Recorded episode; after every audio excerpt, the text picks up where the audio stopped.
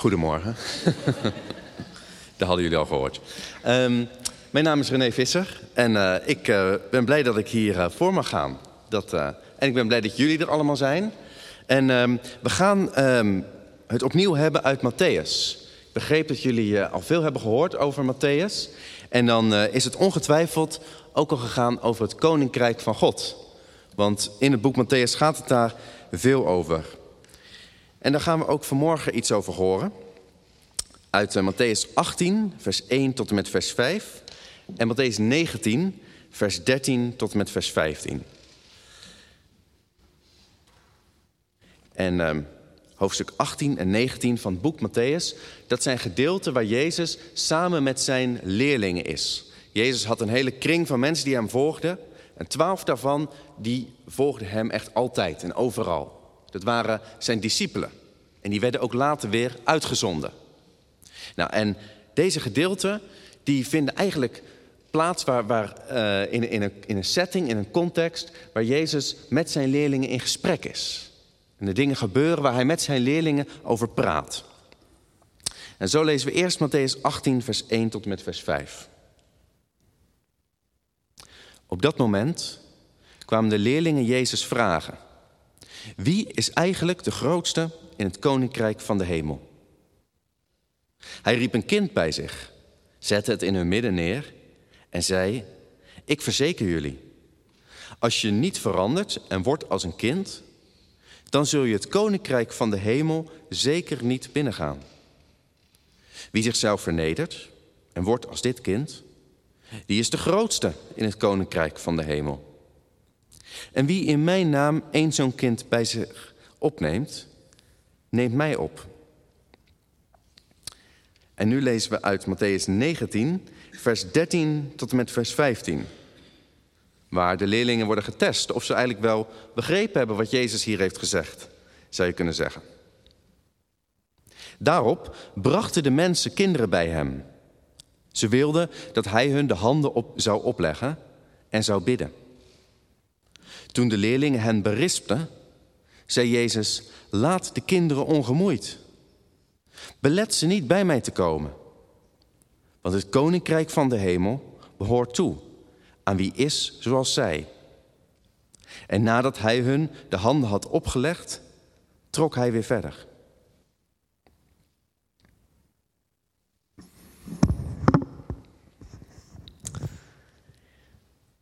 Als je dit gelezen hebt, dan denk je, wat doen wij eigenlijk in de kerk?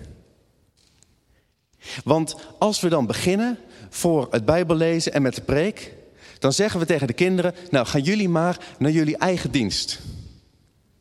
En het idee daarachter is natuurlijk heel goed. We hopen dat zij iets hebben op hun niveau als ze dat willen. En uh, je mag ook lekker in de kerk blijven zitten natuurlijk. Um, maar dat zij iets, iets, iets kunnen volgen en iets kunnen begrijpen waar het over gaat. Maar het is ook apart. Want we zeggen daarmee eigenlijk ook, wat we hier doen, is te moeilijk voor kinderen. En laten we nou eerlijk zijn, het is toch ook vaak best heel moeilijk wat we hier doen. Lezen uit de Bijbel, luisteren naar een preek.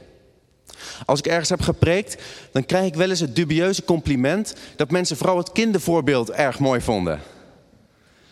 Nou ja, ik denk dat ik zelf niet heel ingewikkeld preek, maar het laat wel zien dat het toch nog best moeilijk kan zijn. Om te begrijpen, waar gaat het nou over? En als we het dan kunnen uitleggen op een manier die kinderen kunnen begrijpen, dan zeggen ouderen en volwassenen ook vaak, ja, dat, dat volgde ik, dat, dat kwam nou echt binnen. Waarom maken we het zo moeilijk? Is het echt zo moeilijk? Is het koninkrijk van God zo moeilijk te begrijpen? Het koninkrijk waar Jezus zo het over heeft. Moeten we als het ware al onze zeilen bijzetten om te begrijpen wat Jezus zegt, om te proberen om het te doen? Is Jezus een, uh, een hoogleraar of een docent zoals je dat had op je opleiding? Die, uh, die een beetje zo de topper was van de afdeling. En, en als hij dan, als hij dan doseerde, dan moest je hard meeschrijven. In de hoop dat je, dat je het begreep. En in de hoop dat je op het tentamen het ook nog kon reproduceren. Dat je maar ergens ongeveer begrepen had wat die man bedoelde. Nou, ik had wel dat soort docenten. En eh, jij misschien ook wel. Is Jezus zo'n docent? Die ons iets heel moeilijks uitlegt. Waarvan wij heel hard ons best moeten doen om het te begrijpen. En om het dan ook nog toe te passen. En om eraan te denken. En, en, en om het in de praktijk te brengen. In de hoop dat we uiteindelijk zullen slagen voor zijn tentamen. Dat we het goed hebben gedaan. Nou, als je dat soms een beetje denkt, dan is dat niet heel vreemd. Als je zo denkt van ja, Jezus, ik hoop maar dat ik het goed begrepen heb. Ik hoop maar dat het goede doet. Want zelfs de discipelen, mensen die jaren met Jezus optrokken, die in zijn aanwezigheid waren, die hem alles konden vragen, zelfs zij dachten dat. Dat blijkt wel uit de vraag die ze stellen. Wie is de grootste in het koninkrijk van de hemel? Eigenlijk zeggen ze, wat moeten we nou doen? Of, of wie moeten we nou volgen? Wat is nou een goed voorbeeld om, om te kunnen zien uh, hoe we groot kunnen zijn in uw koninkrijk? Hoe we, hoe we daar echt in kunnen, kunnen uitblinken? Eigenlijk best een mooie vraag. Zij, hadden alles opgegeven om Jezus te volgen. En nu zeggen ze, we willen, we willen echt weten hoe we het nou nog beter kunnen doen. Hoe we alles kunnen doen wat u vraagt. En, en hoe we echt groot kunnen zijn in uw ogen. En Jezus die zegt, oké. nou kijk maar, hier, een kind. Zo, zo ben je groot in mijn koninkrijk. En je ziet ze denken? Wat, wat bedoelt hij nou? Ik, ik, kan me voorstellen dat ze allemaal hebben gedacht van nou, wat voor diepe gedachte zit hierachter? Hoe kunnen we dit nou weer begrijpen wat Jezus zegt? Een kind, het grootste. De meeste van, van of, of een heel aantal van ons zullen ook wel zijn opgevoed met het idee van een kinderlijk geloof. En dat kan dan nog weer iets heel moeilijks zijn. Want dan moet je alles, alles neerleggen en nog geloven als een kind ook. Nou, dat, doe dat maar eens. Wat is dat precies? Maar Jezus zegt dat helemaal niet. Hij zegt gewoon dat ze moeten worden als een kind. En een kind in die tijd, dat was nog wel even iets anders dan een kind nu. Een kind in die tijd, dat was gewoon niet een volwassene. Dat was, het, dat was wat een kind was. En dat kind moest je opvoeden, dat moest, dat moest zorg krijgen. Maar dat had vooral verder niet zoveel te zeggen. Dat was niet belangrijk. Je moest vooral aan de kant en weg en, en niet storen en, en beleefd zijn. En je kon nog maar heel even kind zijn in die tijd. Tot je tiende, je elfde, je twaalfde. En dan werd je gewoon geacht om mee te doen met alle volwassenen. Dus die discipelen die keken niet op tegen een kind. Dat kind dat liet alleen maar zien dat ze dus, ja, gewoon helemaal niet op hun eigen prestatie konden vertrouwen. Niet wie zij inmiddels waren geworden. Niet dat zij zo dicht bij Jezus waren, dat zij zo goed Jezus volgden, dat dat hen niet kwalificeerde om groot te zijn in het koninkrijk van God. Maar dat zij moesten leren om te worden als een kind. Die alleen maar kan afwachten en, en kan hopen en kan vragen om de zorg van de ouders, om de zorg van God. Nou, deze boodschap, die kun je misschien nog wel met je hoofd accepteren. Kun je zeggen, oké, dat kan ik me voorstellen. Als er een God is die zegt uh, dat hij uh, voor ons zorgt, dan moet ik ook leren om die zorg te accepteren, om dat te aanvaarden. En om die liefde te aanvaarden. Dat kun je met je hoofd nog wel bevatten. Maar de vraag is, kun je het ook met je hart ontvangen? Kun je dat ook echt zo beleven? En, en, en zo met God leven? Nou, die vraag die krijgen de discipelen heel praktisch voorgeschoteld. Als er ouders met hun kinderen bij Jezus komen. En die ouders die hadden gehoord over Jezus. Die hadden gehoord dat Jezus mensen met één aanraking beter kon maken. Die hadden gehoord dat Jezus dicht bij God stond. Die hadden gehoord dat Jezus God zijn vader noemde. Dat hij de zoon van God was. En die ouders die willen niets anders dat Jezus met die krachtige en machtige handen, waar een soort blijkbare kracht in zat, dat hij ook hun kinderen aan zou raken.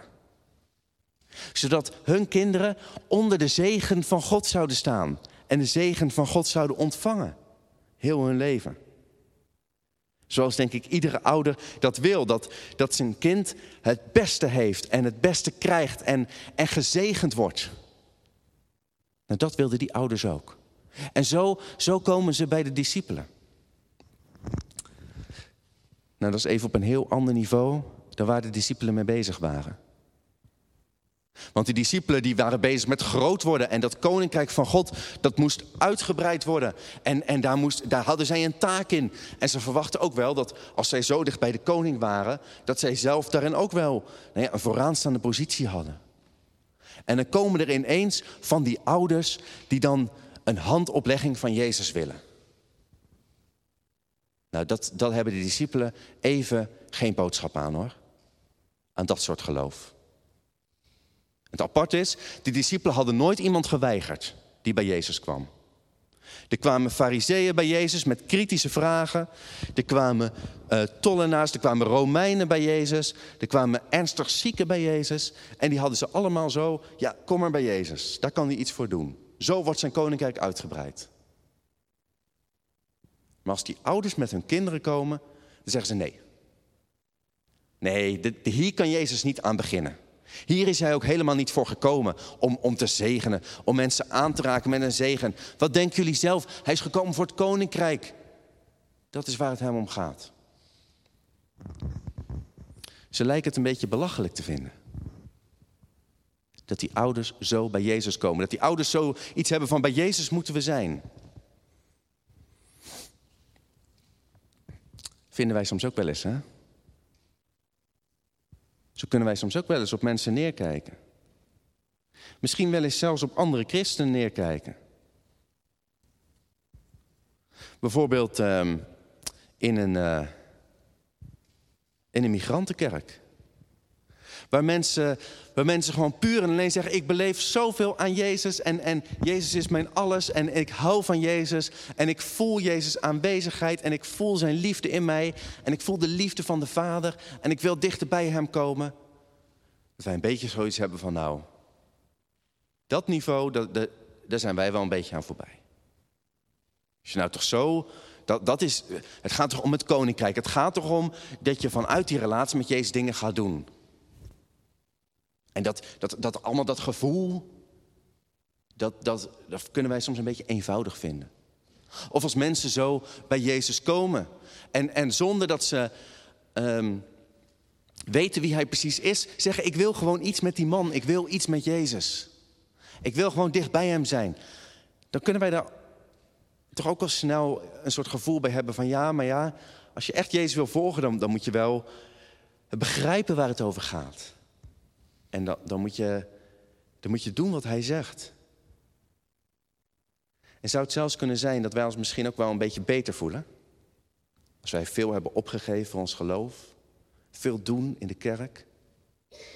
Veel, veel, het, wij er alles, alles voor opgeven om Jezus te volgen, dat we ons dan ook beter voelen. dan mensen die met zo'n onbestemd verlangen om zegen bij Jezus komen.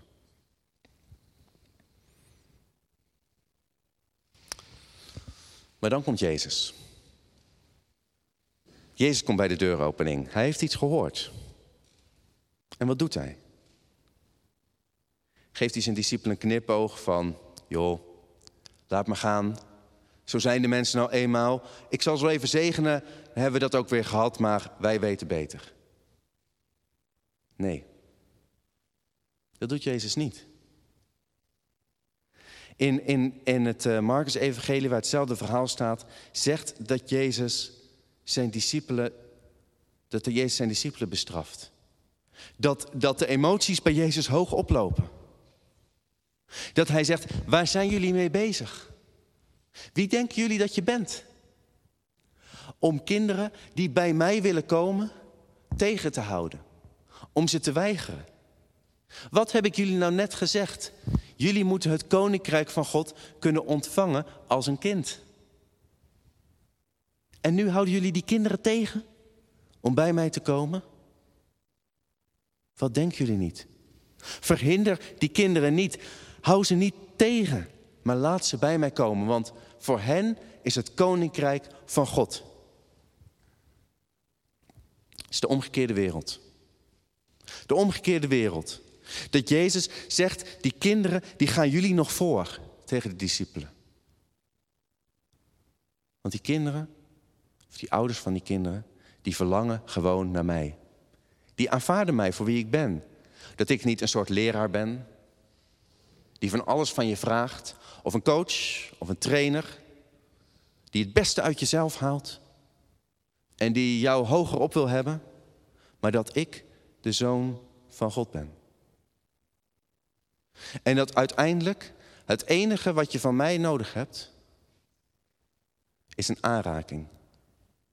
Een aanraking met mijn kracht, een aanraking met mijn liefde. Dat je niet meer kennis nodig hebt om het beter te doen. Dat je niet meer discipline nodig hebt om mij nog beter te volgen.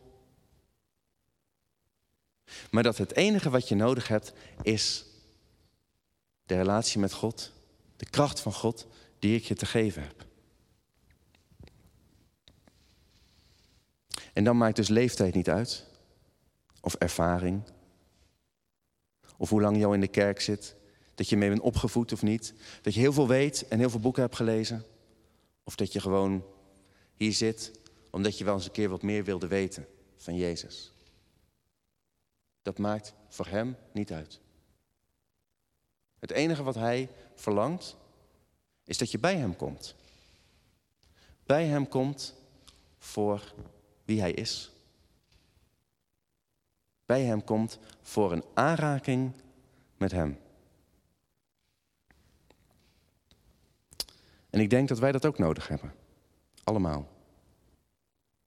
Waarschijnlijk hebben de meesten van ons zoveel kennis dat je hier, dat je een jaar lang zou kunnen preken over Matthäus. Zoveel heb je al gehoord over Matthäus en over het evangelie en over heel de Bijbel. Je zou er misschien haast wel een boek over kunnen schrijven. Misschien denk je wel, wat ik tot nu toe gehoord heb, wist ik allemaal zelf. Nou, dat is heel mooi. Dat is geweldig dat je dat allemaal zelf al wist. Maar wat we nodig hebben is een aanraking met Jezus. Het is niet meer kennis, het is een aanraking met zijn liefde. En daarom gaan we iets doen. We gaan iets doen waarvan ik denk dat kinderen eigenlijk veel beter in zijn dan wij. We gaan ons voorstellen wat het is om zo'n aanraking met Jezus te hebben. En uh, je mag meedoen, het hoeft niet. Maar uh, ik ga wel meedoen, dus anders kun je gewoon, uh, gewoon toekijken. Ga even bij zitten. We doen even onze ogen dicht.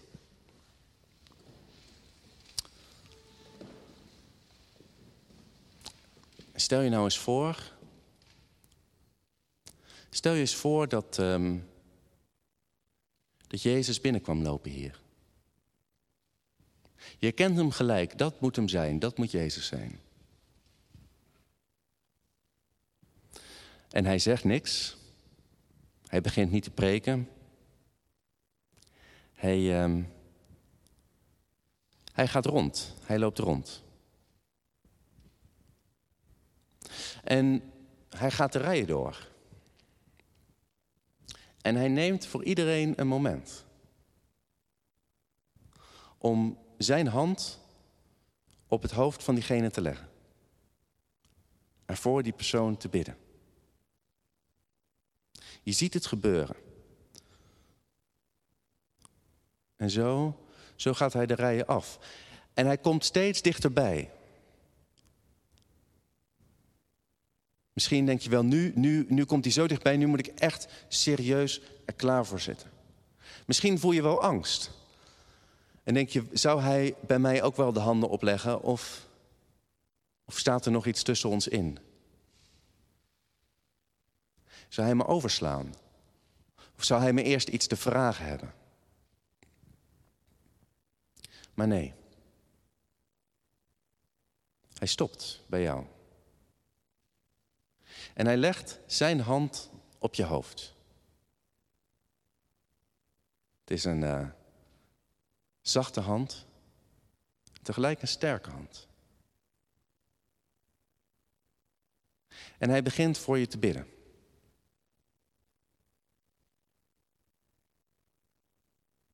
Tegen iedereen zegt hij iets persoonlijks.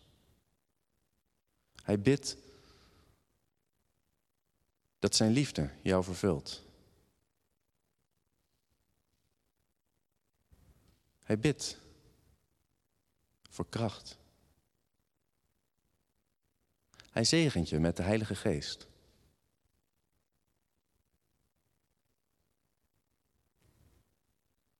En met um, het Koninkrijk van God.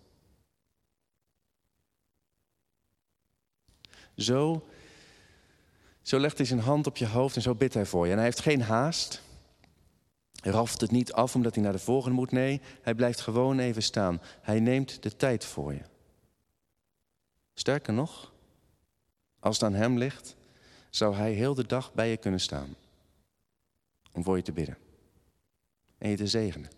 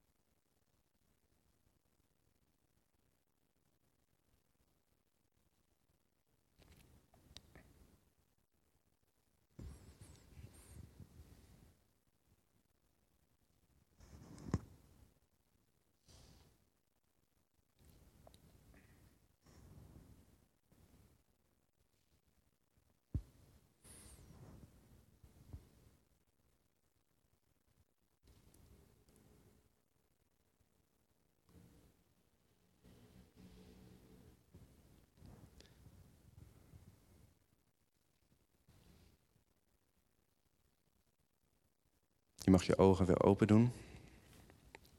Je mag zo dicht houden.